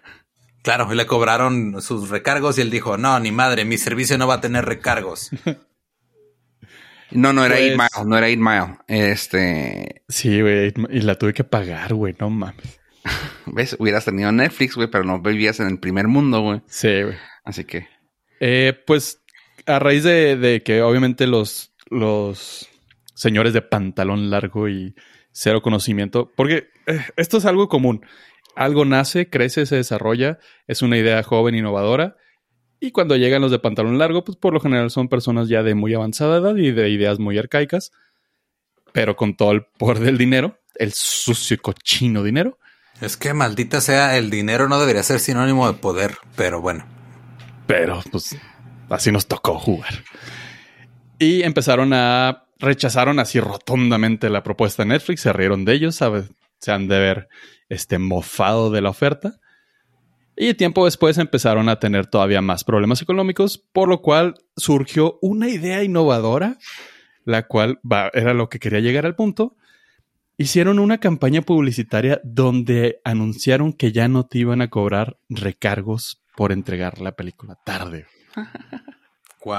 ¿Cuál, creen que fue el resultado de esa campaña publicitaria? Eh, un dedo colectivo. La gente no regresó nunca a las películas. Excelente, güey. Eso es lo que quería, sí. O sea, es. Ah, ya no me vas a cobrar. Ok, me la quedo. Es que honestamente, ¿qué poder iba a tener Netflix? Digo, perdón, Blockbuster, fuera de estarte marcando así de, oiga, no ha regresado esta película. Que sí lo hacían. Nada. Sí lo hacían, ajá, no tenían, no tenían ningún poder realmente, güey. O sea, no es como que fueran a ir a denunciarte por robo por no regresar a una película, güey. No, no, o sea, nomás tenías a un güey adolescente que era el gerente del lugar, regañándote enfrente de todos los clientes y diciéndote por qué rentó eh, monjas contra porristas 3 en voz alta. dices, güey, dale calmado, vamos a platicar, vamos a negociar, te puedo pagar. Pero no, la humillación pública. Y es. Ahora me, ahora me, ahora me dejaste pensando, güey. Oddly specific. ¿Cuál era la, cuál es la sinopsis de esa, güey? Deja tú porque hay una tercera parte, o sea. Sí, güey. Claramente la 1 y la 2 fue un éxito. I'm invested, güey, o sea, quiero saber de eso. De hecho, este, vamos a dar la sinopsis para nuestros Patreons. Güey, güey. Serán monjas contra porristas 3. Monjas contra porristas 3. Ok, okay. muy bien. La entonces, a ver, pollo, quiero entender. Rompe el hábito. Esa fue la 2, güey. Esa fue la 2. Oye, pollo, entonces, ¿quieres decir que Netflix llegó con Blockbuster para que lo comprara Blockbuster? Claro. Y Netflix llegó y dijo, güey, te compro, güey. O sea, neta, eh, ya vas de salida, te doy lana para que mueras dignamente. Si mal no recuerdo, el bid eran 15 millones de dólares para comprar Netflix. Ok. Lo cual era ah, nada, porque los chavos, pues, o sea, es como si a nosotros llegaran y nos dijeran, te compramos el Norcat por 2 millones de dólares. Llévatelo. Oye, Lolo, ¿no, ¿no nos compraron un podcast por ahí? Mira, no me alcanza para un tweet de Jack Dorsey, menos me va a alcanzar para un Nordcast, güey. O sea. Es hombre conocedor. Sabe el valor intrínseco de las cosas. Eh, lo, que, lo que me gustaría recalcar de todo esto es que el documental está bien chingón. Y una de las cosas que menciona. Eh, ¿Cómo se llama tu novio, Fofo? El que. Kevin Smith. Kevin Smith, gracias. Kevin Smith rescata es que dice, así como está sobreviviendo este último blockbuster de todo el mundo, me parece, es porque la gente le encanta rescatar la nostalgia, le encanta rescatar las, las causas perdidas. Y el, el ir a rentar una película, a diferencia de las películas en streaming que tenemos el acceso inmediato hoy en día, es que representaba muchísimas cosas, no nada más era una película. Era todo un evento personal, familiar, eh, en pareja, como te gustara, ir a seleccionarla, tomarte el tiempo y hacer todo un evento de eso. Inclusive antes del Netflix and Chill había un término que se llamaba blockbuster en trátense con respeto, no mientan por convencer y siempre tomen sus precauciones a la hora de formar vínculos físicos y espirituales. Lamentablemente no tuvo el catch necesario para que se mantuviera. No, este es un, es un pésimo eslogan. Sí, pues, pues desde Blockbuster por algo quebró. es que sí, o sea, llega un punto en el que eh, pasa ahorita con el, el resurgimiento de eh, los discos en vinil, por ejemplo, que hay un mercado, pero el mercado ya no es igual de extenso que era antes, güey. Entonces, yo no dudo que ahorita haya un mercado, digo, si hay un blockbuster, podría haber a lo mejor algún otro servicio de, pues ven y, hay un güey que te va a gritar porque rentaste monjas contra eh, porristas. porristas, perdón, porristas. sí, las colegialas eh, debe ser Sí, creo que renté la película equivocada. Era de, era de Asylum Productions, era otro pedo completamente Era como Transmorphers, güey. Pero a lo que voy es de la nostalgia sí es un mercado, y, pero se vuelve un mercado de nicho. Así como antes vendías tú millones de discos de vinil, ahorita vendes tal vez algunas decenas de miles, pero porque el público específico se vuelve más pequeño. Entonces, yo no descarto que tal vez ahorita podrían existir fuera de ese blockbuster a lo mejor algunas otras este, tiendas donde puedas ir a rentar algo de video que podrían funcionar específicamente por la nostalgia. Mencionaba mucho el, aspecto de comunidades muy pequeñas, donde era la única fuente de, uno, entretenimiento y dos, de poder estar relativamente familiarizado con lo que sucedía en el mundo. O donde te salía mejor, más rápido ir al blockbuster que bajarlo por internet. Uf. Es que antes, antes, digo, voy a sonar bien, bien boomer, como siempre. En mis tiempos. Claramente. Pero el hecho de que te lo, que antes te podía recomendar un güey así como. que caminar 10 kilómetros de su vida para llegar al blockbuster. Con los vientos de aquí de Juárez. No, no, no, no. No, este, pero el tiempo, el simple hecho de que te lo pudiera recomendar un güey de la, digo, no sabíamos que era Quentin Tarantino ni que era Kevin Smith, ¿verdad? Pero alguien con el conocimiento que ellos tienen de, de, cine, güey, que te lo pudiera recomendar, estaba chido. Eso, digo, mucha gente no les gusta la interacción, ¿verdad, Ave? Gracias. pero... Me Lleva callado como 40 minutos, güey. Claro que no le gusta. Eh, pero si es así como que, güey, uh, mm, quitarlo está gacho. O sea, sí, yo sé que los algoritmos ahorita de Netflix están súper perros, güey, y... No, pero, o sea, lo que acabas de explicar ahorita sin querer, Fofo, es ahorita lo que se convirtió el rol del influencer, güey. En su momento era un güey, o sea, porque si quieres definir influencer es un güey que te influencia a hacer algo. En su momento era el güey que decía, no, mira, esta está buena o mucha gente ha rentado esta, güey. Ahorita ya es el rol de, ah, mira, este, yo tengo muchos seguidores y te digo que veas esto. O sea, es, es similar porque lo que nos hemos dado cuenta, eh, una vez lo platicamos Badía y yo, este, es de a las personas eh, les gusta, se sienten identificados con, con alguien cuando tienen un gusto en común. Entonces tú por eso de repente sigues a ciertas personas en redes sociales. Y muchas veces este, una persona no quiere formarse una opinión propia, desgraciadamente, y nada más lo que hace es adopta estas eh, opiniones de personas que sigue o que respeta. Y ya se volvió un pedo como que a gran escala, pero en su momento era, ah, güey, ese güey me ha recomendado películas chidas, aquí cuando vengo a Blockbuster le voy a hacer caso. Ahorita es, ese güey me gusta lo que hace, cuando publica en redes le voy a hacer caso, pero sigue siendo parte de esta interacción social de, este, me gusta confiar en alguien con quien tengo algo en común. Chale, y siguen siendo adolescentes. es la verdad. Eso sí, no, no hay manera de refutarlo. Uh, fíjate que una de las cosas que me, me, llamó la atención es que obviamente tiene mucho turismo internacional esta última tienda de Blockbuster y muchos de ese turismo son ex trabajadores alrededor del mundo y la mayoría coinciden de que ese ha sido el highlight de sus vidas, haber trabajado en Blockbuster. Dicen, era un jale muy chingón y lo disfruté un chingo porque me pagan por ver películas. Dice, güey, eh, creo que no hacías bien tu trabajo, güey, porque hay más cosas que hacer. chido gritarle a, gente que rentaba monjas contra porristas 3. Fíjate que esa nunca la regresé tarde. Eh, me gritó porque la renté muchas veces, pero oye, ¿qué, ibas a hacer en los noventas eh, sin internet? Estaba cerrado el Fiesta Roller, güey, pues ¿qué quieres? Estaba cerrado el Fiesta Roller, obviamente. Prestada otra videocasetera y hacer una copia, güey. Eso es lo que hacías en ese entonces. Eh, por eso tú ganas dinero y nosotros no.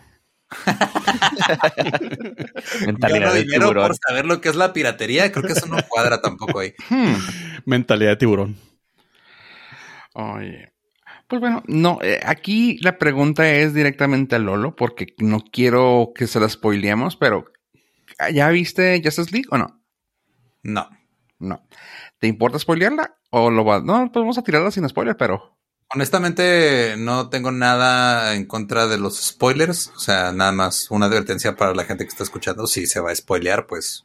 No, no, no. Tratamos de no, no, hay Necesidad. No hay necesidad de spoilear todavía. Pero no, honestamente, a, a, mí en lo personal no me molestan los spoilers.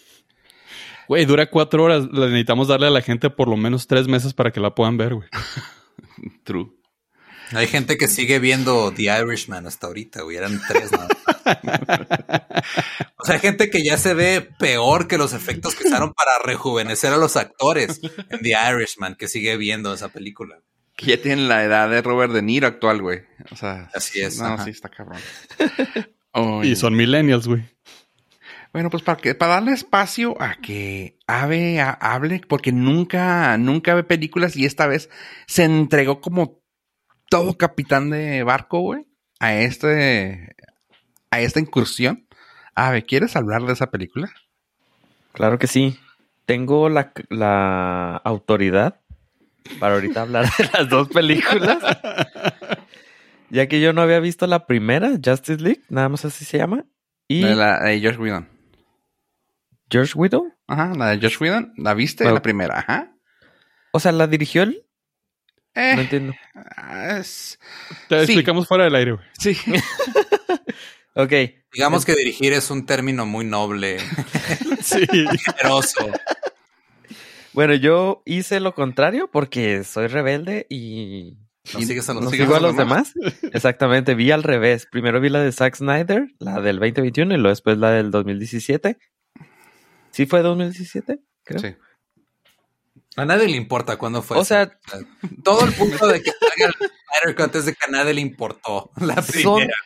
son dos películas diferentes. No, no, ti- o sea, Lo cual quiere decir que Snyder hizo un buen trabajo. es que creo que no. O sea, si Zack Snyder sacó la primera película. ¿Sí no, la sacó? No. No, él es Josh Whedon. Ah, es que estoy confundido ahí.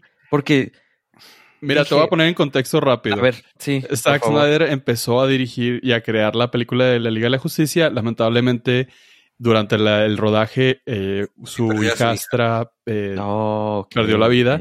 a lo cual él tuvo que retirarse del proyecto. Los ejecutivos de pantalón largo de mentalidad muy obtusa Sí, decidieron dijeron, ah, contratar pues es, es un grupo de héroes, ¿no? Tráete al güey que hizo este otro grupo de héroes. que hizo la que no- peor película de Avengers Ok. Y Sí, le dieron el jale. Ah, con razón, una porque sí. película en la que una película en la que le vamos a dar daddy issues a un robot. Esa película es Sí, Nunca lo había visto así. Sí, sí, porque obviamente dije, si Zack Snyder hizo la primera, yo tenía la idea de que Zack Snyder había Es hecho la que primera. Zack Snyder hizo toda la película, güey. O sea, realmente creo que para esta no me... Don't quote me on this, pero creo que para esta nomás usaron, creo que como les, les volvió a hablar para reshoots como de 10 minutos, güey, a todos, güey. O sea, toda esta película que viste, güey. O sea, la primera película que viste ya estaba hecha, güey. Bueno, sí, no, la segunda. ¿Viste la primera? No, ¿viste la larga? ¿Viste la de cuatro horas primero? Ajá. Esa ya estaba hecha, güey. Sí, Este o sea, güey les- estaba grabada, nada más fue el, cómo se editó. Ah, y este güey dijo, no, no, no, espérate, vamos a hacer reshoots. Y eh, casi, casi Josh Whedon, güey, hizo toda la película de dos horas y fracción, güey. Exacto, o sea, es como eventualmente va a haber un este, Snyder Cut de este episodio, porque para la gente que está escuchando esto, en realidad llevamos como, ¿qué te gusta? Ocho horas grabando, ¿no? Más o menos. Más o menos. Entonces, eh, si ahorita están escuchando esto y les gusta, quiere decir que salió bien. Si no, en cuatro años va a salir en otro formato, en otro servicio de streaming. Eso, güey, Va a salir en- El, Sí. el, el Scott. Mío hasta que... Gracias. No, eh, O sea- si, si queda chida, va, va a decir, si queda chida es el mío, si no. Sí, bueno, la cuatro horas es demasiado. Está loco, Zack Snyder. Lo pudo haber hecho en dos. Pudo haber hecho lo mismo que hizo en, se hizo en la primera, pero con su idea de en la segunda, en- ya en la de cuatro horas. Y yo las vi al revés. Primero vi la de cuatro horas y luego después vi la de dos. Y la de dos sí está muy bien resumida, pero si le hubieran puesto las escenas de, de la nueva, de la de Zack Snyder. Ese es mi resumen. Ah, digo, la película de Zack Snyder obviamente dura cuatro horas porque Zack Snyder desde que empezó a hacer, creo que la primera película que tuvo notoriedad de Zack Snyder es la de 300, 300. si mal no recuerdo. Ahora, 300 eh, originalmente duraba 45 minutos, güey. Entonces lo que hizo fue poner cámara lenta en escenas que no necesitaban cámara lenta güey, para que durara casi dos horas la película de 300. Supongo que pasó lo mismo. No la he visto todavía. Totalmente, Pero voy a asumir que la mitad de eh, el Snyder Cut está en cámara lenta. Y está siendo conservador. ¿Neta? Sí. No es queja, eh. O sea, no es queja. Es que funciona. Bueno, para mí me funcionó. ¿Porque podías ir al baño o qué? Eh, porque necesitaba ese efecto dramático en mi vida, güey. Ah, claro. Uno, lo que más necesita ahorita en estos tiempos es drama. Drama. Drama, güey. En cámara Es que- lenta. Ah, en contexto, Lolo, eh, Pollo es el único soltero, güey, así que necesita drama, güey. Ah, ok. Sí. Sí, me hubieran dicho De- antes. desde, de- desde, desde el divorcio nada fue igual. Entonces, pues uno se acostumbra a ciertas cosas y luego ya las pierde. Y pues, oye, Te sobra tiempo. me sobra tiempo. Claro. Ejemplo, tuve cuatro horas para verla seguidito. El Snyder Cut. sí, está, está muy pesada.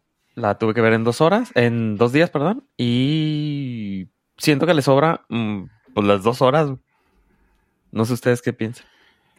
Yo no la he visto, entonces lo único que voy a decir de lo que he percibido en general es de que el güey mejoró la historia, mejoró la trama. Y yo pienso que tal vez, como hubo tanto hype, porque este iba a ser el Snyder Cut, que dijo, pues chingue su madre, la hago de cuatro horas, tanto la quieren, a ver si es cierto. Sí, dijo, al cabo va a ser este, ¿cómo se llama? Home... Home video, ¿no? Home video, entonces va a ser home Al cabo no me van a pagar, entonces hago así, chingue su madre, ¿no? De hecho, no le pagaron para esto. Bueno, para el Snyder Cut no le pagaron. Él dice. Pero al menos salió lo que quería que fuera, saliera, güey.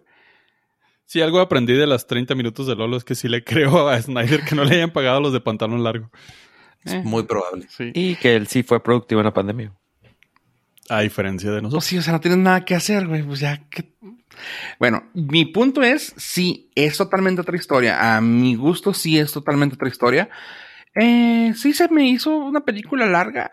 Sin embargo, sí la, sí la disfruté de manera de, ah, chinga, ya se acabó, ah, cabrón. O sea, como que, como que para mí era más el rollo mental de, güey, son cuatro horas, güey, no mames, son, o sea, como que lo traía el loop en mi cabeza, son cuatro horas. Tanto que veía si movía el cursor para poder ver cuánto llevaba yo. Ah, ok. Sí, sí, llevo una hora. Es que es un pedo mental, ¿no? sí, sí, para mí sí, güey. a mí en lo personal, la primera temporada de The Boys, la empecé a ver a las 12.45 de la noche, güey. Vi dos episodios. Y luego dije, nomás son ocho, me la viento, mañana no tengo nada que hacer. Y de repente eran las 7 de la mañana y me aventé 8 horas de The Boys. Sí. La diferencia es de que tu cerebro lo procesa como, ah, viste pedacitos de una hora. Ya cuando de entrada te dicen, ah, güey, va a durar 4 horas, tu cerebro dice, no mames, es un chingo de tiempo, porque lo, desde, desde un inicio te creas este, este prejuicio de, no mames, es mucho, güey. O sea, ¿quién va a escuchar un episodio del Nordcast de más de hora y media, güey? O sea, Exactamente, así, así mismo fue, o sea, porque sí, se acaba una hora y lo yo, ah, cabrón, ya va una hora, órale, qué chido, ya, ya va otra hora. Y ya cuando ya dices, ya como que ya se está acabando, ¿no? Ves y así es como que, ah, le faltan 20 minutos, dije, ah, ok. Pero sí, es justo eso, o sea, te programas a decir, güey, son cuatro horas, me va a tener aquí amarrado, pinche película fea. No, no se me hizo fea, o sea, sí, como dice Ave, Tal vez lo podrías haber hecho en dos horas y media, en dos horas cuarenta, si te quieres extender un chingo. Pero sí te chida la película y sí se aventó una. Le hizo mucha justicia, güey, en los efectos especiales. No sé si mejoraron del 17 wow, Nada más quiero este, que todo el mundo aplauda lo que hizo Fofo sin darse cuenta. ¿Qué? Le hizo justicia a la Liga de la Justicia. Bien, Fofo. Ti, ti, ti, ti. Güey, güey, fue, fue nato, güey, eso. No, eh, una cosa que. Y te la soliste, fofoneta, güey. Por eso no triunfamos, güey. Gracias. no, no puedo. No puedo con esto. No, eh, digo, aquí lo, que rescato es una. Se mejoró mucho el efecto especial del bigote de, de Superman. No hubo. No, no, no hubo. Se veía bonito. Qué bueno. Eh, y segundo, a Steppenwolf le hicieron muy buen trabajo de CGI aquí a comparación a lo que había en el otro, que era una cosa. como el shredder de las tortugas, me pareció. Sí, eh, sí está mejor, pero. No, mucho, mucho. Es que compáralo con la de la otra. O sea, no, lo pongas en un contexto real. Ah, no, no, compáralo con la otra. Sí, sí. Sí, otra era una mancha de, de CGI, güey, que dices tú, güey, qué pedo, güey. Y aquí tienen sentido su armadura, güey, que dices tú, ah, ahora, güey. O sea, dices tú, qué chido. Y eso fue como que para mí, como que dices, güey, pues sí le hiciste un poco de paro en el bigote y en eso, güey. Pero. Ahora, ¿creen, ¿creen que sea suficiente esto para como darle vida de nuevo al universo extendido cinematográfico de DC o no creen que llegue a tanto? Yo ahí tengo mis opiniones. Yo sí digo que sí. Yo creo que sí, en el punto de que con lo mucho que odio, güey, ¿estás de acuerdo con lo que dijo Pollo alguna ocasión, güey? estoy de acuerdo que sí me hizo aquí falta más Batfleck, güey. Gracias. O sea, aquí, va, aquí Batman se. Dices tú, ah, ok, no, sí, güey, si quiero saber más qué pedo con este güey. Y lo cabrón es que es una mejor película también de Wonder Woman. Que quiero ver esta, güey. No la de 1984, güey. Sí. A ver, tus opiniones, güey. Yo, yo rescataría que el, el hate de. ¿Cómo se llama este chavo Fisher? el que la hace de Cyborg, o sea, cuando ves esta película dices, ah, por eso odias a Josh Whedon. Redujo tu papel a dos escenas. a, un, vato con nada issues, güey. Ajá, cuando acá tiene todo un arco eh, bien. Es la película, es la película de él, güey. A un, semi-robot con daddy issues. Es lo único que sabe hacer aparentemente Joss Whedon últimamente. la verdad es que sí. ¿eh? O un tipo de fetiche. No, es, esta película realmente eh, al final del día es la película de Cyborg. ¿Y por qué está, por qué tenemos este personaje nuevo? Güey? Básicamente es eso. Y porque importa en la maldita historia, ¿no? A diferencia de la de Josh Whedon la, a mí la, verdad es que la película me gustó mucho, tanto que pues mi idea no era verla de corrido porque está dividida en seis capítulos donde si tienes amor propio dices, eh, veo un capítulo y cuando tenga tiempo veo otro capítulo y así te la llevas. Me aventé los seis, no se me hizo pesado, claro que cuando terminó no podía caminar, pero me gustó, me gustó muchísimo la, la se siente diferente, se siente que, ah, Batman y Superman, a pesar de que está espantosa, tenía una razón de ser. Ok, lo, lo veo ya. Le hace totalmente justicia al, a los personajes. Te, te cuenta una historia completa de cada uno de ellos que dices, por eso necesitabas cuatro horas. Creo que sí se extendió de más simplemente porque fue su marca de fuck you a todos los de Warner. Lo va a hacer como yo se me hincha. Ahora, estamos de acuerdo que cuatro horas de Justice League no es nada comparado a todo lo que significa el universo cinematográfico de, Marvel. Nada. Estamos, porque digo, yo aún no lo he visto, pero lo que voy es de, la gente luego dice, ay, no mames, dura cuatro horas, güey. Has visto 20 películas de Marvel de las cuales nada más cuatro valen la pena, cabrón. O sea, neta, te estás quejando de esto, güey. Y siendo justos, técnicamente las Avengers Infinity War y Avengers Endgame es una sola película. Es una película de seis horas. Ajá. Así se debería de ver. Chale, no lo había pensado así. A mí lo que me causa mucha risa de todo este desmadre fue el before and after de Zack Snyder, porque empezó, antes de que se estrenara, empezó a abrir el paraguas de que, no, yo ya me voy, yo ya estoy hasta la madre, este, a mí no me apreciaron, no me quisieron, aquí les dejo esto, si funciona o no, pues no es mi bronca ahorita desde, pues en realidad me gustaría continuar con mi visión acerca del DCU y por favor, denme chance. Pues que también puede ser, digo, hay, hay, hay dos probables causas que yo veo ahí. Una es, este, cuando dijo ya estoy hasta la madre, es porque los pantalones largos le dijeron, ay, güey, ¿por qué no pones aquí una escena donde eh, este Batman esté haciendo una, una coreografía de TikTok? Y eh, la otra es, este, le dieron un chingo de lana. Entonces, una, a lo mejor es probable que hubiera estado muy harto de este todo lo que le pedían y por lo que terminó siendo la película original una mierda. Y que a lo mejor ahorita tiene esta superioridad moral. Esta, ajá, esta, no, esta oferta potencial de, güey, neta, lo hice chido, contémplenme y ahora sí voy a cobrar bien. Sí, sí, sí, sí, claro. Claro, o sea, todas las películas de Zack Snyder, quieras que no, sí han pegado, o sea, sí han dado de qué hablar. Incluso hasta Sucker Punch, quieras que no, eh, se volvió una película. visualmente son muy atractivas. Sí, sí, Por ejemplo, Sucker Punch, en lo personal, a mí no se me hace una buena historia o no, una historia bien ejecutada, pero visualmente es muy buena. Me pasa lo mismo con este, con Watchmen. O sea, Watchmen es una buena película. Este, que visualmente es más atractiva de lo que es este, en cuestión de guion, pero le hace, o sea, sí es un, es una buena adaptación del cómic. Entonces, Zack Snyder tiene como este pedo de, o sea, si Christopher Nolan se encarga de que las cosas como se vuelvan más realistas y más, si ya no mames, el pinche Dark Knight de Nolan es un pedo muy, muy cabrón, muy diferente. Zack Snyder, en vez de tratar de explorar el lado humano, él se va más por explotar el lado del cómic, güey, que el cómic, pues, por definición, está súper despegado de la realidad. Sí, o sea, y totalmente dark en este aspecto de dark cómico, un dark cómico, y este güey lo aterriza, bueno, el otro, el Christopher Nolan, lo aterriza y lo pone dark también.